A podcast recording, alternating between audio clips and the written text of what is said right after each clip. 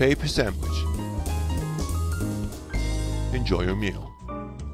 روبرت كايوزاكي عنده أبوين. الأول أب بيولوجي عنده دكتوراه. والثاني أب لم ينهي مرحلة المتوسط. الاثنين كان دخلهم جيد لكن مع فرق كبير. الأب حامل الدكتوراه كان يعاني من ضوائق مادية من وقت لآخر. بينما الأب حامل المتوسطة كان يعتبر من أغنياء هاواي. المشكلة الحقيقية هنا مو إن المؤلف يبغاك تترك الدراسة وتكرس حياتك لجمع المال ولا إنه يقول لك من أجل العلم يجب أن تعاني ماديا. لكنه يقول إننا كلنا بلا استثناء درسنا في منظومة تعليمية واجتماعية بالأصح درسنا في المدارس ولم نتعلم ألف باء التعامل مع المال. المعادلة اللي يقولها الكتاب لو أنت لم تولد لدى عائلة غنية تعرف كيف تتعامل مع المال فستعيش طوال حياتك فقيرا. أنا وأحد أصدقائي تجادلنا حول نقطة في هذا الكتاب. هو يقول الكتاب يقدم نصائح مباشرة مهمة للتعامل مع المال. أنا قلت له لا وألف لا. الكتاب ينمي عندك قيم مالية تتعامل من خلالها بذكاء مع المال وكالعادة لم نصل لحل. لذلك البودكاست يا جماعة يطلب منكم تعطونا رأيكم. هل الكتاب يقدم نصائح مباشرة دقيقة ولا أطر عامة لفهم طبيعة المال والاقتصاد الشخصي؟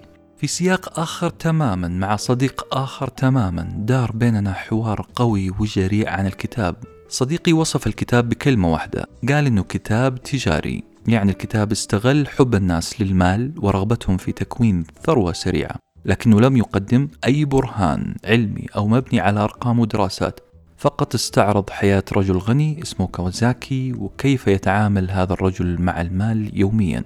صديقي كلامه سليم. هذا الشيء اللي قاعد بالضبط يقوله مؤلف الكتاب كاوزاكي في كل صفحة. الرجل فرد لنا صحيفة أعماله وقال هكذا أنا أفكر بل هكذا يفكر معظم الأغنياء.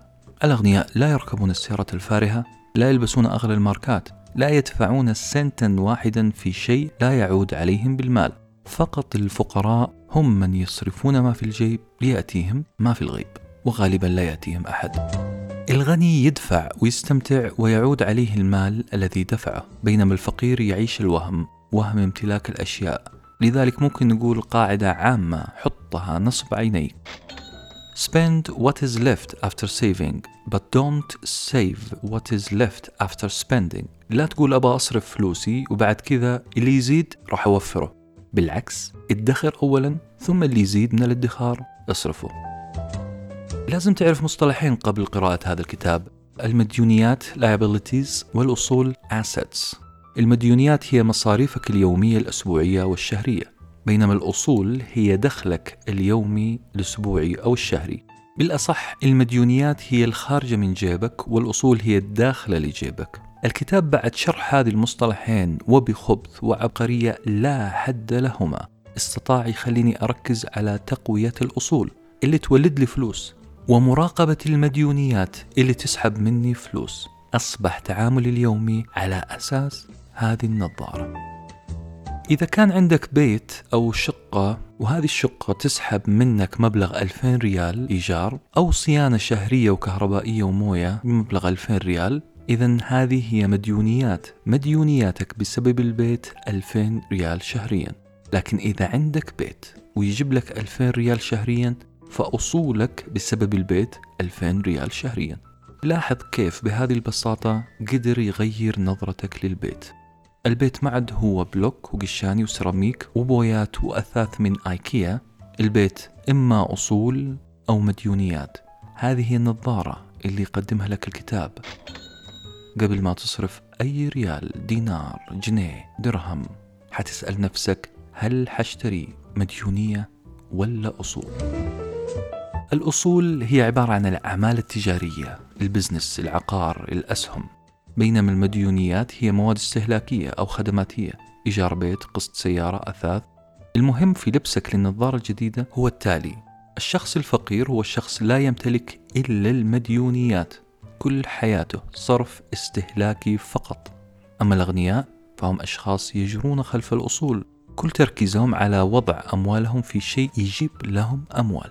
لو كنت من الطبقة المتوسطة فأنت بنسبة كبيرة جدا جدا جدا.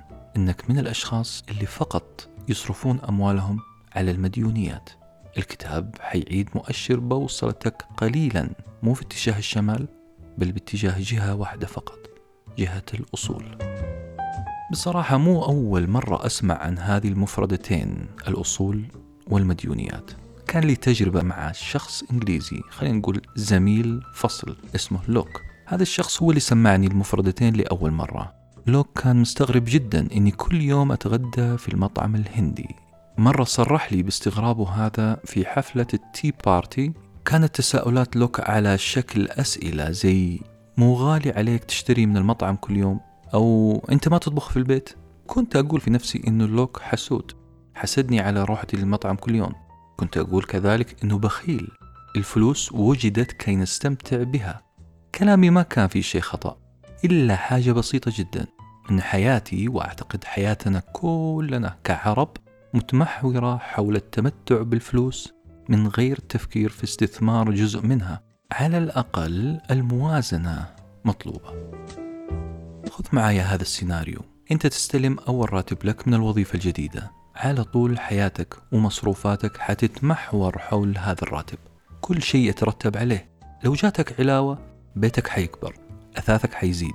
كهربة بيتك حتزيد. وهكذا. أنت تعتقد في قرارة نفسك أن العلاوة زادت من راتبك. بينما لا تركز على أن مصروفاتك كذلك زادت. بالتالي أنت لازلت ذلك الشخص الفقير. أنت لم تغتني. لأن الزيادة طارت مع السيارة الجديدة مع جوال آيفون الجديد مع البيت الجديد.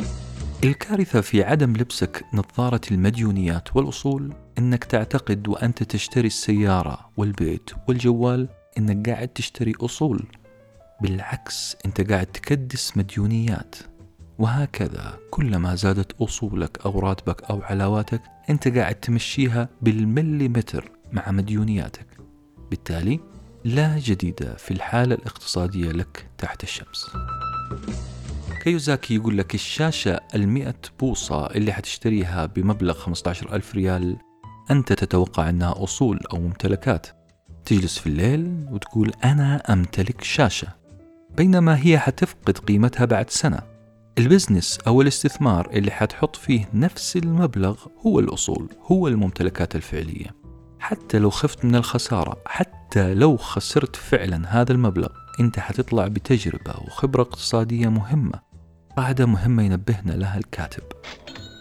لن تتحول لشخص غني وأنت محاط بزجاج كريستالي تنظر للتجارة من خلاله. دخولك عالم التجارة بتدرج حيكسبك الخبرة اللازمة مستقبلا.